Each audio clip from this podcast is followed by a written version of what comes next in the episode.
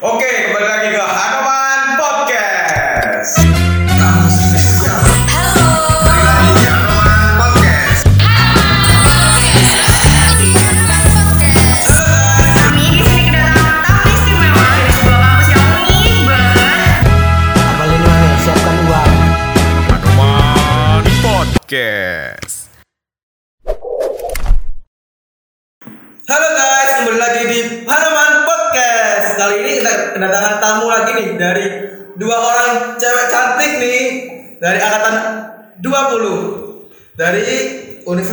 IAIN Tulungagung. BTW nih Tulungagung tuh mana sih, Mbak?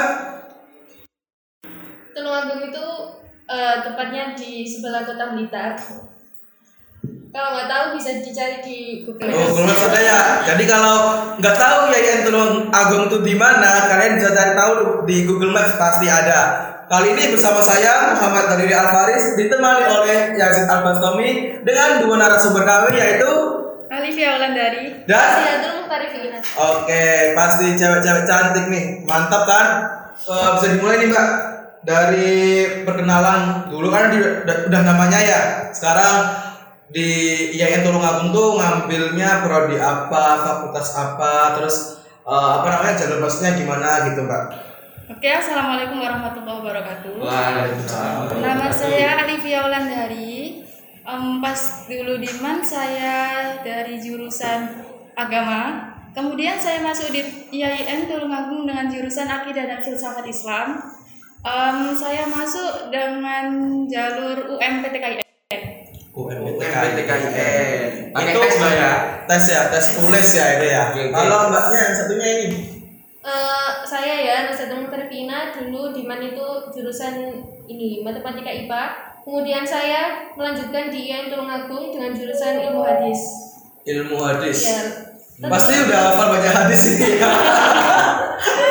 Wow, wow. Ya, saya dulu itu lewat jalur SPAN PTKIN yaitu jalur undangan. Sepan itu yang Jalur rapor. rapor. Oh, nilainya tinggi, Bos. Pas banget ya ini satunya rapor, satunya SPM. Oke, satu Oh, UM.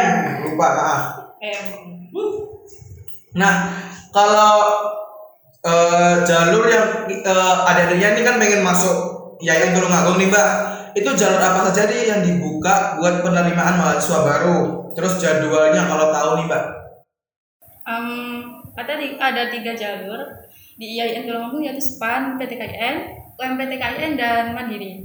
Mandiri. Kalau, kalau SPAN itu em pendaftar Iya, iya bisa langsung di ini apa di upload website eh, website resmi IAIN Tulungagung. Terus kemudian dari UMPTKIN pendaftaran tanggal 1 April sampai 30.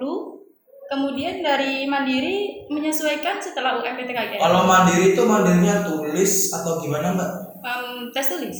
tes tulis jadi nggak ada jalur kayak tahfidzul Quran atau yang lain gitu nggak ada mbak Enggak. itu ada jalur sendiri ada oh ada jalur sendiri ya Iya. itu berarti ada jalur buat anak-anak yang hafal ini ya biasanya anak mahat ini ya pastinya mbak ya Iya. anak mahat ini punya hafalnya banyak ini pasti Ya.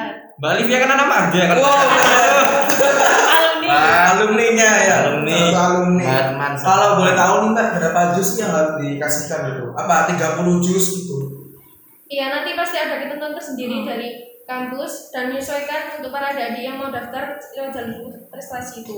Oh gitu. Ya jadi belum tahu ya berapa jus minimal gitu kan iya. Karena Masih- ketentuan masing-masing setiap tahunnya itu mungkin berbeda-beda gitu. Melihat jumlah pendaftar juga Iya, pastinya kan ya? minat dan daya tampung itu sendiri Oke. Itu semua jurusan bisa, Mbak? Atau ada jurusan sendiri gitu? Eh, kalau misalkan nanti kalau sudah masuk di IAIN Tulungagung itu ada madin. Jadi madin itu ada beberapa madin, BTK, terus kemudian tafidul Quran itu sesuai bakat dan minat kita. Jadi nanti sebelum pembelajaran di kelas itu kita tuh mengikuti madin dulu gitu. Oh, kayak madrasah diniyah gitu ya, Ah, Mbak? Madin itu ya. Iya. Jadi kayak kita belajar agama-agama dulu, baru kita masuk kelas sesuai fakultas kita atau jurusan kita gitu ya. Nah, informasi sedikit nih Mbak tentang persaingan gitu. Yang paling ketat yang apa dan yang paling enggak terlalu banyak minat tuh yang di mana gitu Mbak? Eh, setahu saya sampai saat ini untuk para eh, eh, peminat atau ketatnya ketatan ketatan yang paling tinggi itu ada di Fakultas Tarbiyah dan ilmu pendidikan itu Pendidikan. ketat sekali karena peminat peminatnya itu cukup banyak kemudian eh, yang seperti seperti, seperti peminat itu seperti punya saya itu Fakultas Usuluddin Adab dan Dakwah. Di situ ada beberapa em, prodi 12 prodi. Salah satunya seperti saya akidah dan filsafat Islam. Di situ daya tampungnya sekitar 55 anak satu kelas. Ya Satu kelas 55 anak. Itu sekarang seangkatan berapa kelas, Mbak? satu. Satu. ya Satu kelas itu dari beberapa jalur atau ya oh dari gabung jadi beberapa satu. jalur. Ya seperti itu Oh, gitu. Filsafat Islam. Akidah dan filsafat Islam. Oh, ada. Aku langsung insecure gitu filsafat. Wow. Saya Kalau filsafat kan kadang-kadang kan bisa membuat orang Berpikir. berpindah keyakinan juga kan. Iya. Tapi kalau Islam, kalau filsafat Islam kayaknya enggak ya, lebih ke Islam. Eh, agama eh, gitu. Soalnya kan aku juga pernah dengar kan kalau anak filsafat rata-rata nanti bisa ateis gitu kan. Cuma nggak semua ya. Jadi kalau ini adik-adik yang kalau memang mau masuk filsafat itu kuatin iman dulu lah. Kalau emang bener, bener banget, bener banget. benar. Kuatin iman dulu. Dan kalau emang nggak kuat, ambil aja filsafat Islam kayak mbaknya ini ya. Jadi walaupun filsafat tapi ada dasar agama Islamnya. Jadi kak iman kalian tuh walaupun nggak terlalu kuat banget bisa kejaga tetap kejaga gitu kan. Iya. Menambah keimanan gitu juga. Nambah keimanan juga bisa. Nah, kalau yang paling ketat tadi kan di pendidikan ya, emang kalau pendidikan kan di Favorit. favorit banget. Di mana pun itu kan pendidikan dicari-cari. Soalnya Iya iya. untuk menjadi guru itu gampang banget sih sekarang. Jadi guru swasta, guru TK, guru anak apa pun bisa gitu kan. Apalagi kalau guru les gitu. Mudah banget gitu kan. Embel-embel pendidikan. Yang penting embel-embel pendidikan tuh kamu bisa ke mana-mana loh. peluangnya besar banget untuk prospek prospek Prospek kerja ya gede banget makanya kayak di FK ada FK nggak mbak di itunya? belum karena Belum. ini masih IAIN Oh masih IAIN, Iya. jadi belum tapi kalau UIN itu bisa bisa ini apa namanya mem- eh, membuka jalur iya, umum membuka, gitu ya. eh, Kalau prodi umum nggak ada berarti dia ya mbak? eh, belum ada sih sampai saat ini adanya itu cuma tadris gitu Oh tadris. fakultas itu Tadris kan sama kayak Pendidikan. pendidikan, Iya, cuma pendidikan. ini tadris beda julukan Iya, gitu pasti ya. kalau tadris itu pasti oleh ini dasar-dasar agama pasti gitu Oh gitu. Iya. Bedanya bedanya, sama yang pendidikan. Iya. Kalau ini mbak, kan tadi kan jalur span PTKIN ya. ya Itu dulu rapotnya berapa sih mbak kalau boleh tahu? Eh, kalau rapat sendiri itu saya dulu itu yang pasti kan ada yang ini nilai umum dari yang agama. Hmm. Saya itu dulu rata-rata 80 ke atas ya. Kemudian yang agama sendiri itu 90 ke atas. Jadi apa namanya daya tampung atau pros atau prosedur sendiri itu bisa disesuaikan eh, sesuai dengan mi- peminat atau ini daya tampung Iya yang kan. jadi kalau memang Bagus. tahun ini banyak yang minat gitu kan pasti pasti grade-nya bakal turun ya, bakal bakal kecil kan. Nah, tapi kalau tapi kan bisa dilihat ya acuan dari beberapa tahun sebelumnya juga ya. Iya, Jadi buat belajarnya dilihat. adik-adik gitu. Nah, kalau ini Mbak, kalau Mbak Alivia ini yang tadi kan uh, UMPTKIN pakai nilai pakai tes ya. Nah, boleh tahu nggak nilai UMPTKIN-nya berapa Mbak? Em, waktu itu nilai UMPTKIN kan global sih. Jadi kalau nggak salah dari keseluruhan itu hampir rata-rata lah bagus. Pokoknya di atas rata-rata. Mini kan minimal kan kalau nilai UM kan semisal 80 80 berapa gitu. Terus kemudian itu dilihat juga sih dari em, sekolah juga. Maksudnya itu kan kadang sekolah mempengaruhi. Oh, mempengaruhi ya. Berarti eh, apa namanya? eh beda kayak UTBK ya. Ah. Kalau UTBK kan real nilai dan nilainya itu bisa 1700 atau Iya. 500 gitu ya. Kalau UM enggak ya? Em, kalau di Yayasan Tulungagung biasanya itu dilihat dari em, banyaknya pendaftar, kemudian kita tuh dipilih secara apa ya? Kalau misalkan dari kita kan dari Mansa Tulangan, Ah, lah kan alhamdulillah Mansa Tulangan kan mendobraknya besar gitu. Iya, gede banget ya. Salah satu madrasah aliyah negeri yang besar di Lamongan karena madrasahnya cuma dua. Cuma dua madrasahnya ada cuma dua ya. Iya. Tapi kan ya lebih baik ya daripada yang, yang sebelah gitu kan. Walau ya bukan menjatuhkan, cuma faktanya Ya, seperti faktanya itu. seperti itu. Jadi ya kalau aku lebih melirik gitu kan.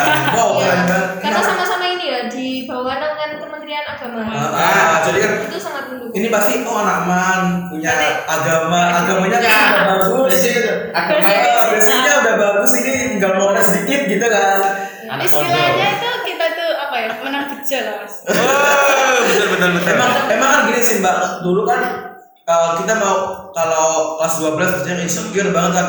Aduh nggak bisa ke univ susah ke universitas negeri gitu kan. Gara-gara kita dari man cuma kalau emang kalian apa namanya nggak mau ke universitas negeri kalian kan bisa ke IAIN gitu atau ke PTKIN. iya kalau perguruan tinggi Islam gitu kan. Itu lebih mudah banget malahan Ya, kita. peluangnya pasti banyak. Soalnya dari mas sendiri itu pasti akreditasi sekolahnya itu juga menjadi Ah, akreditasi sekolah kan juga bagus, prosesnya banyak, apalagi kan udah adiwiyata mandiri. Bisa A. Oh iya, terus A juga banyak loh prestasi dari Man. Jadi untuk adik-adik nih, jangan pernah insecure sama diri sendiri atau insecure sama sekolah. Sekolah. Kalau sekolah punya akreditas bagus kok, gak usah di ini kan ya, gak usah di Tenang tenang. Hmm, tenang aja. Tenang usah. kalau ini mbak fasilitas atau akomodasi dari univnya sendiri tuh apa aja sih mbak yang dari dapat? Dari Yayasan Tulungagung tuh kalau misalkan kita dari luar ya eh, luar Tulungagung kita tuh ada asrama. Di situ Oh berarti ada asramanya tuh untuk anak yang dari luar Tulungagung. Terserah sih, misalkan kita mau daftar di asrama boleh, di pondok boleh. Di kos pun banyak banget kos yang sebelah Yayasan Tulungagung. Pasti mahal ya kosnya mbak, soalnya dekat ya. Berarti menyesuaikan Menyesuaikan. Kalau ini biaya hidup di Tulungagung itu relatif murah Murah, Relatif sangat murah, murah. ya? Iya. Padahal tuh di deket Malang ya. Padahal Iya. Malang tuh nggak bisa dibilang murah, cuma Tulungagung kan nggak jauh dari Malang, tapi bisa dibilang murah ternyata ya biaya hidupnya. Kalau sistem kos di Tulungagung tuh modelnya kita tuh ada yang bayar satu tahun. Misalkan satu tahun dua, dua juta, jadi gitu. Satu tahun 2 juta Iya, ya. Tadi dua aku pernah dengar nih kak di Malang satu setahun itu 10 gitu. tapi ternyata Tulungagung cuma seperlima atau seperempatnya ya. bahkan saya pertama ke sana tuh saya tuh kaget banget gitu biaya hidupnya tuh murah jadi sesuai dengan saya Ya sederhana gitu Iya. ya. Ya. Jadi nggak kita nggak perlu gitu hedon banget ya gitu. Iya, Yang penting berkecukupan. Iya. Oh iya, ini kan belum pernah ke sana ya, Mbak ya? Belum belum sudah pernah ke sana? Sudah pernah atau Udah, belum? pernah. udah pernah sih tapi nggak boleh masuk. boleh masuk gitu. kampus Oh, iya. Lewat saja. Lewat saja. depan kampus. Lewat, biar tahu ya, Mbak ya. Tahu. Itu ke sananya itu nginep apa cuma sehari lewat gitu? Em, Cuma sehari aja sih. Oh ya ini lupa. Untuk fasilitasnya itu ada ma'had ma'had kampus. Nah, ma'had kampus itu sendiri eh, bisa dibilang diprioritaskan untuk mahasiswa bidik misi. Jadi kalau mahasiswa bidik misi itu kalau mau tinggal kalau mau tinggal di kampus itu pasti eh, nggak ada nggak ada biaya yang ini dikeluarkan. Oh. Nol nol nol biaya. Kalau dibandingkan sama kos, murah mana sih Mbak Mahat sama kos? Kalau di Yaya itu rumah. Eh, kalau masuk ma- masuk ma'had itu sendiri pasti ada seleksi. Nah, itu itu pasti ini apa di Ada biaya pendaftaran ada gitu kan. Iya ada biaya pendaftaran tapi lebih ini diprioritaskan ke apa mahasiswa bidik misi. Oh gitu. Iya. Jadi kayak kalau di MAN tuh Jadi- prioritasnya anak agama gitu Iya. ya. Ya. Jadi peluangnya itu eh, sedikit banget untuk anak yang luar bidik misi gitu. Oh, coba masih bisa ya, Mbak ya. Masih bisa tapi harus melalui tes dan beberapa penunjang seperti sertifikat gitu bisa digunakan. Oh gitu. Iya, iya. Emang kalau di Mbaknya sendiri ada kegiatan apa aja, Mbak? Eh, kalau haji sendiri itu pasti ya kalau organisasi mengikuti kampus itu ada HFJ, ada apa ya perkumpulan-perkumpulan kayak ya gitu. Terus ada apa namanya kegiatan menghafal hadis itu menjadi program fakultas tersen- Oh, oh. tersendiri. Ada Oh. banyak ada pokoknya. program Pavin juga ada di sana Oh, pas nih Mbak buat anak-anak agama nih, adik-adiknya ditarik ke situ semua. Biar tafidnya itu nggak hilang gitu. Sia-sia banget kan kalau Iya, banget. itu kan. Itu sangat mendukung sekali bagi adik-adik yang mau yang dari MAN mau ke IAIN Tulungagung itu sangat-sangat menunjang Menunjang. iya. Apalagi yang alumni anak banget itu kan pasti ah. Ada yang iya. Yang suka jalan-jalan yuk ke Tulungagung kan Iya, bisa. perjalanan banget kan jauh sih. Jauh jalan- banget. jalan-jalan ke Tulungagung biaya hidup murah. Kemudian banyak wisata Oh, pantai man- ada pantainya ya pesisir selatan. Ya. Iya. Wah, dan iya. bagus banget recommended banget buat kalian pribadi keren loh ayolah pasti adanya harus diajak nih mbak ya. Terus kalau ini kalau fasilitasnya kan banyak banget pastinya ya yang bisa diakses. Iya, benar itu semua mahasiswa mendapatkan fasilitas yang sama apa beda-beda mbak? Eh, semuanya pasti eh, apa ya mendapat fasilitas yang sama, Sama. tetapi ada beberapa yang menjadi pembeda yaitu pusat studi. Nah, pusat studi pusat studi itu sendiri menjadi penunjang bagi para mahasiswa eh, di prodi masing-masing. Seperti ada PKAP yaitu Pusat Kajian dan Asesmen Psikologi. Nah, itu dikhususkan untuk para mahasiswa psikologi di IAIN Tulungagung untuk menambah apa ya, kemampuan dan melatih apa namanya skill di ini itu sendiri gitu. oh berarti setiap fakultas atau setiap prodi itu punya apa namanya cara bela- tem- fasilitas masing-masing gitu ya Iya. Hmm, kayak tempat belajarnya gitu ya Iya, tapi di situ juga memiliki apa ya namanya fasilitas penunjang. oh gitu Di Kalau fasilitasnya kan saya saya dengar tadi fasilitasnya banyak, terus pastinya bagus kan udah terpilih, udah dipilah dan dipilih sama pihak kampusnya ya. Itu nanti UKT-nya berapa sih mbak? Mahal nggak? Eh, untuk UKT itu sudah ditetapkan ya, sudah ditetapkan dari kampus. Itu di masing-masing fakultas memang berbeda-beda gitu. Beda-beda lah ya. Iya, kan jadi Bedanya tuh di masing-masing fakultas apa dibedakan sama keekonomian Iya. warga juga? yang pertama itu perekonomian terus Ah. kemudian yang kedua itu fakultas kalau misalkan saya UKT saya tuh ter, eh, terbilang murah sih cuma 2 juta pas 2 juta tuh Pas. 6 Enam semester. 6 Eh, 6 bulan. enam ya. 6 bulan. Iya. 6 bulan ya. setengah tahun lah lebih murah dari man oh enggak sih mahal dikit ya nambah dikit ya kalau man kan cuma seri satu juta dua ratus ya Hmm, juta dua ratus kalau ini dua juta gak apa kan emang kuliah beda ya fasilitas juga didapatnya beda Ya dan tentunya jangan takut ya untuk kuliah karena biaya beasiswa mahal eh, gitu. beasiswa juga banyak di situ Iya. Beasiswa mesti banyak lah loh banyak banget. banyak Karena banget beasiswa itu ada yang internal, ada yang eksternal. Nah, contoh nih yang eh, eksternal itu ada KIP atau yang dulunya itu dinamakan bidik misi. Nah, itu peluangnya banyak banyak banyak banget sih untuk kalian. Kemudian yang internal contoh ada tafidul Quran, kemudian Untuk, beasiswa eh, prestasi dan banyak lagi yang lainnya.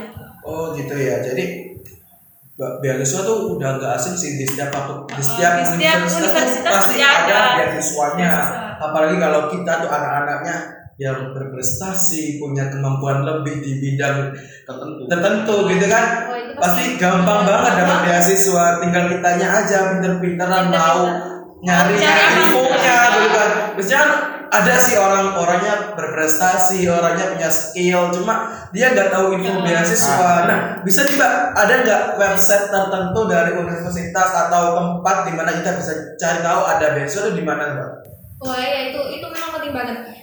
Eh, untuk infonya itu bisa dicari di www.iain.tulungagung.ac.id. Nah itu ada banyak sekali informasi eh, terkait kampus, ada beasiswa, ada fakultas, ada apa namanya prodi yang mungkin kalian bisa berminat eh, di prodi itu sendiri. oh berarti di website resmi IAIN Tulungagung ya Ya itu.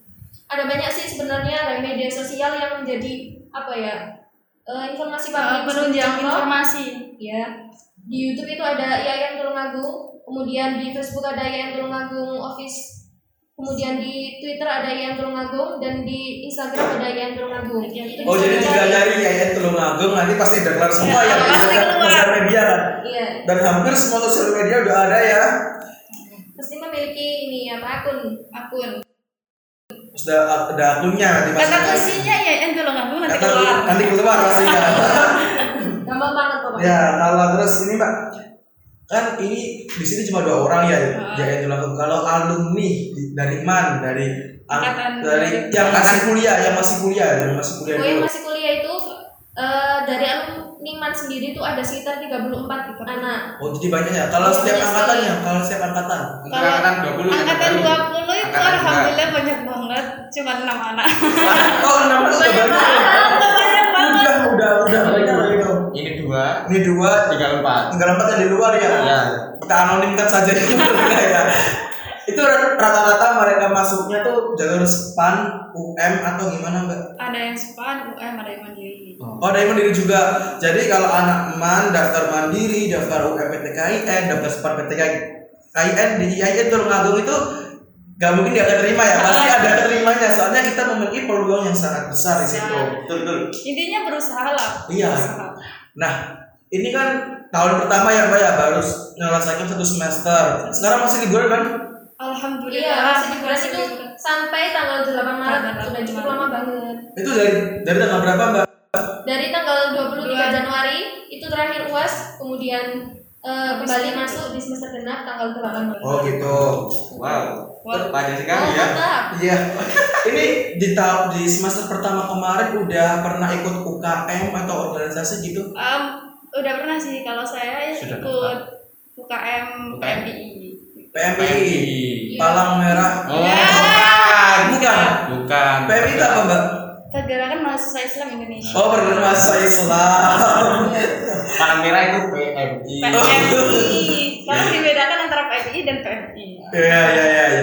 Terus sel- selain UKM itu ada lagi organisasi gitu. Mungkin ikut Kan ini ya dibedakan ya ada UKM yaitu unit kegiatan mahasiswa, kemudian UKK unit kegiatan khusus dan KM itu komunitas mahasiswa. Nah di situ ada masing-masing apa ya namanya eh, kegiatan yang dilakukan oleh para mahasiswa seperti contoh di UKM itu ada menua yaitu ya kalau di MAN itu seperti paskib gitu ya. Oh, Kemudian Menua. men ya, apa sih kan mahasiswa kalau nggak salah. Terus UKK itu unit kegiatan khusus seperti contoh ini apa ya namanya pala gitu ya, mapala. apa Ya, anak pecinta lingkungan eh pecinta Pecinta alam. alam. Salah. lingkungan juga termasuk alam Iya lingkungan Iya, iya, alam. benar-benar. Tapi agak beda loh. Oh, agak beda. Agak beda, agak beda. Kemudian ada di komunitas mahasiswa itu kayak apa ya, poli gitu. Pokoknya komunitas mahasiswa itu diuni beberapa eh, mahasiswa yang menggeluti kegiatan-kegiatan tertentu gitu. Oh, Itu sih. gitu.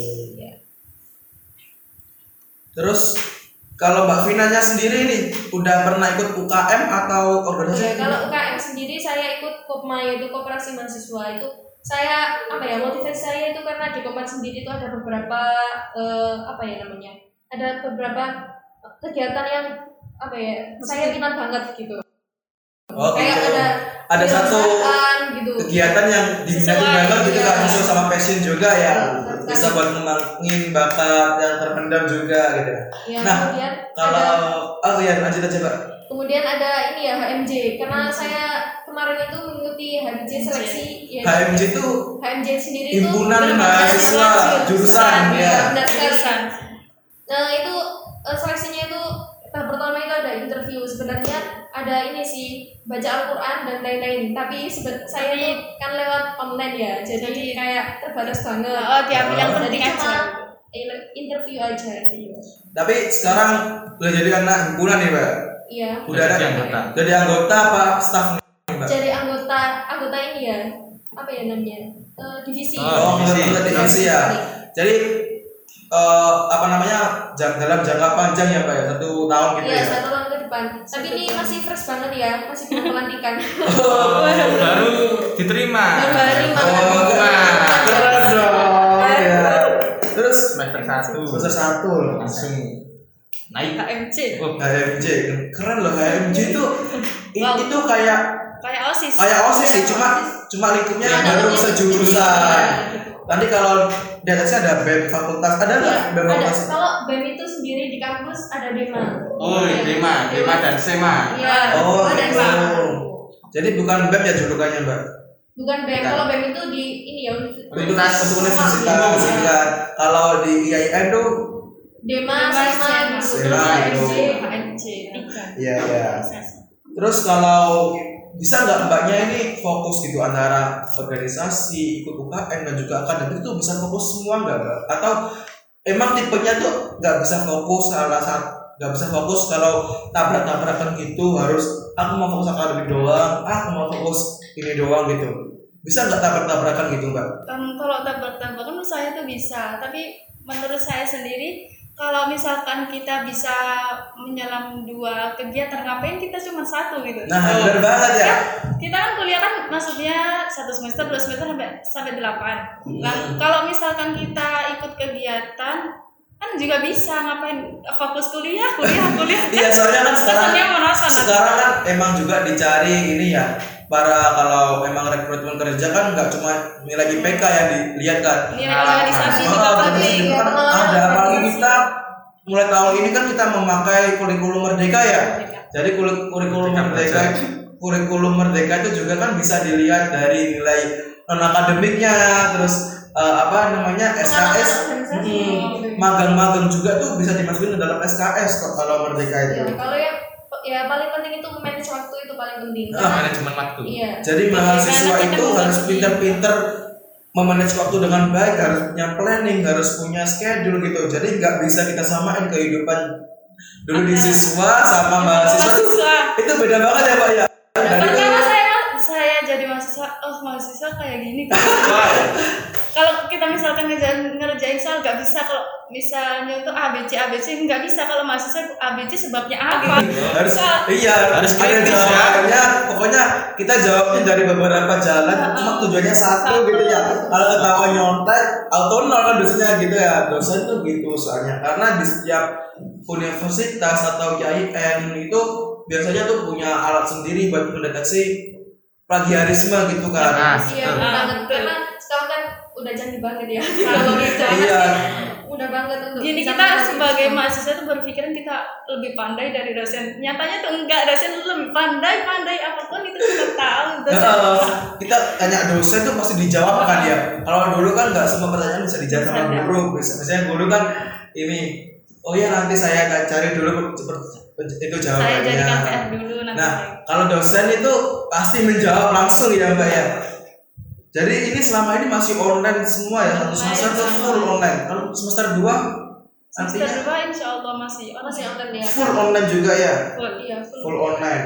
Terus ini mbak, ada nggak fig, eh, fig- public figure yang lulus dari IAIN Tulungagung gitu? Alhamdulillah ada itu Mbak Arumi Basin itu alumni dari Ayin Dulman ya.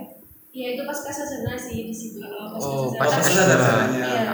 Mungkin ya kalau dari alumni sendiri saya sih ini belum belum ada yang kenal ya, belum ada yang tahu. Tapi kalau sekarang presiden mahasiswa di IAIN Tulungagung sendiri itu Mas Doni Bagus Kara itu eh, cukup memotivasi sih. Um, Karena dari sikap beliau ada kedisiplinan, kemudian kepemimpinan beliau bijak- bijaksana banget ya.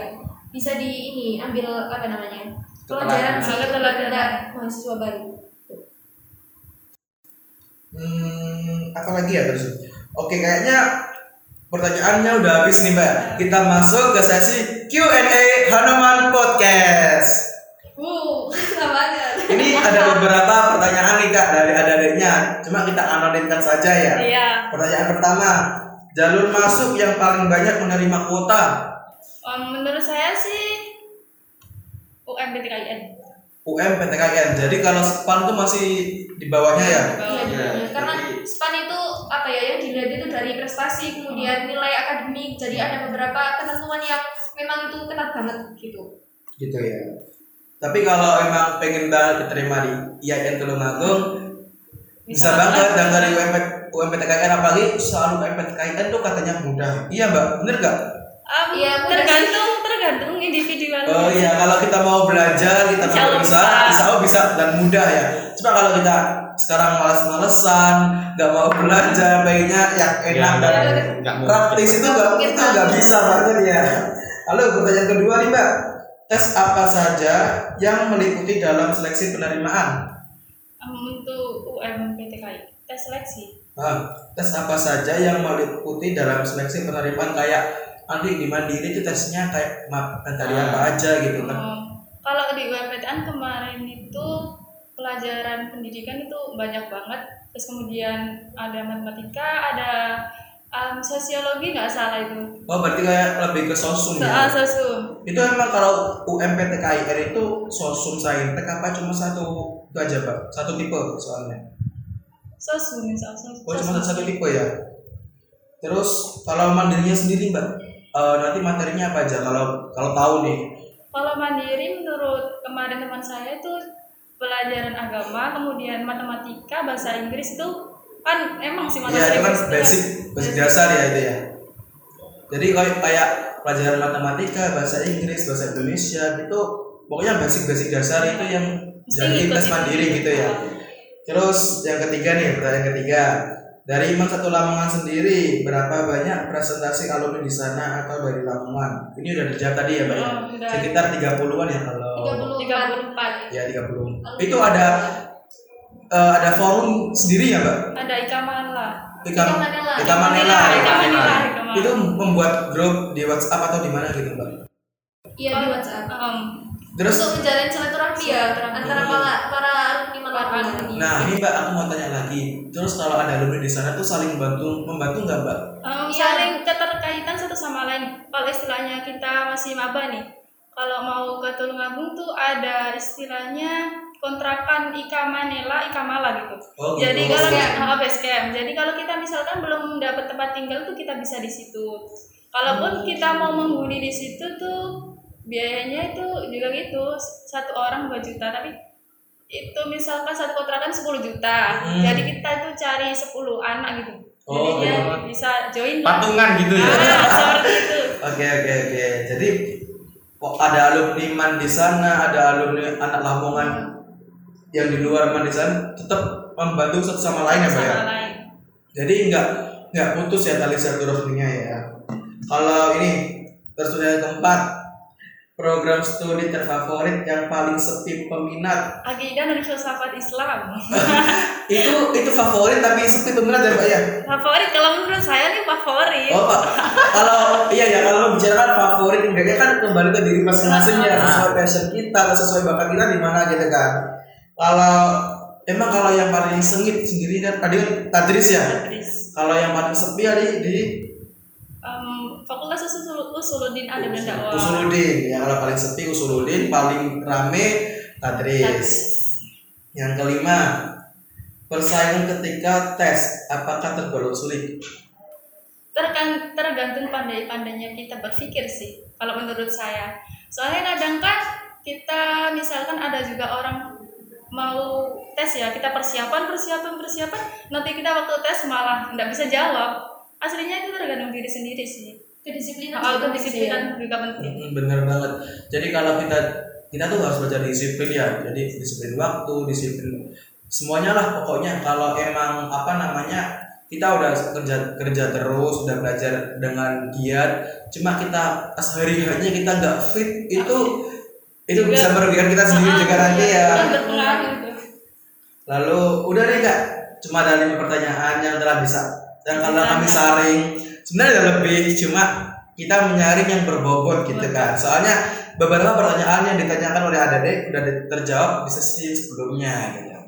Oke, terima kasih.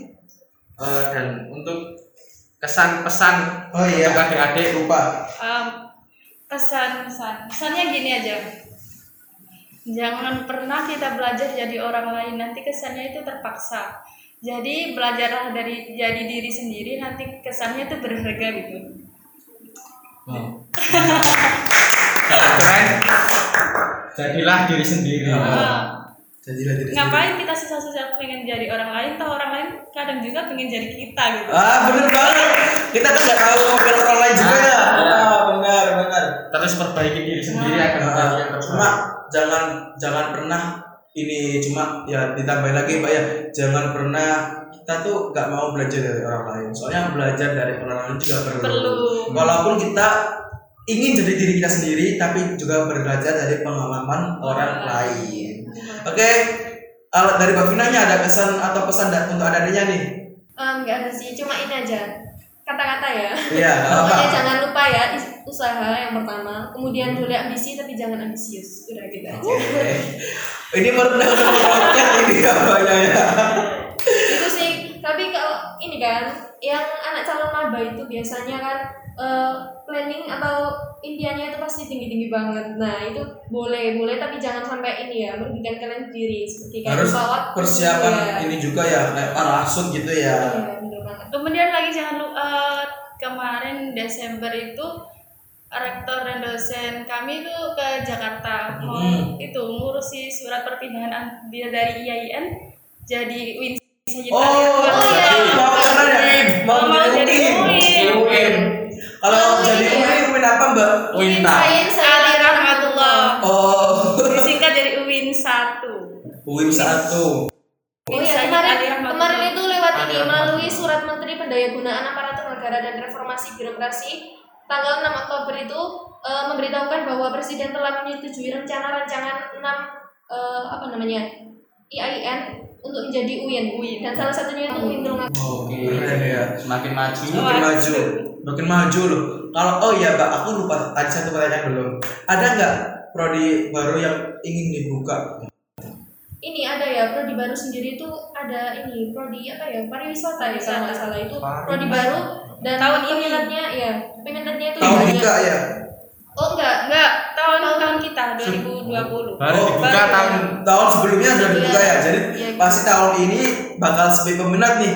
Biasanya prodi baru kan orang jarang tahu. Jadi buat kalian nih yang mau uh, cuma sekedar kuliah atau sekedar apa gitu kan bisa banget ke IAIN Tulungagung pariwisata ya. Soalnya pasti sepi peminat di situ. tapi uh, tapi nggak menutup kemungkinan kalian cuma sekedar kuliah pasti kalian punya tujuan juga ya di situ. Oke, terima kasih buat Mbak Alivia dan Mbak Vina atas waktunya. terima kasih kembali Sekian, wassalamualaikum warahmatullahi wabarakatuh.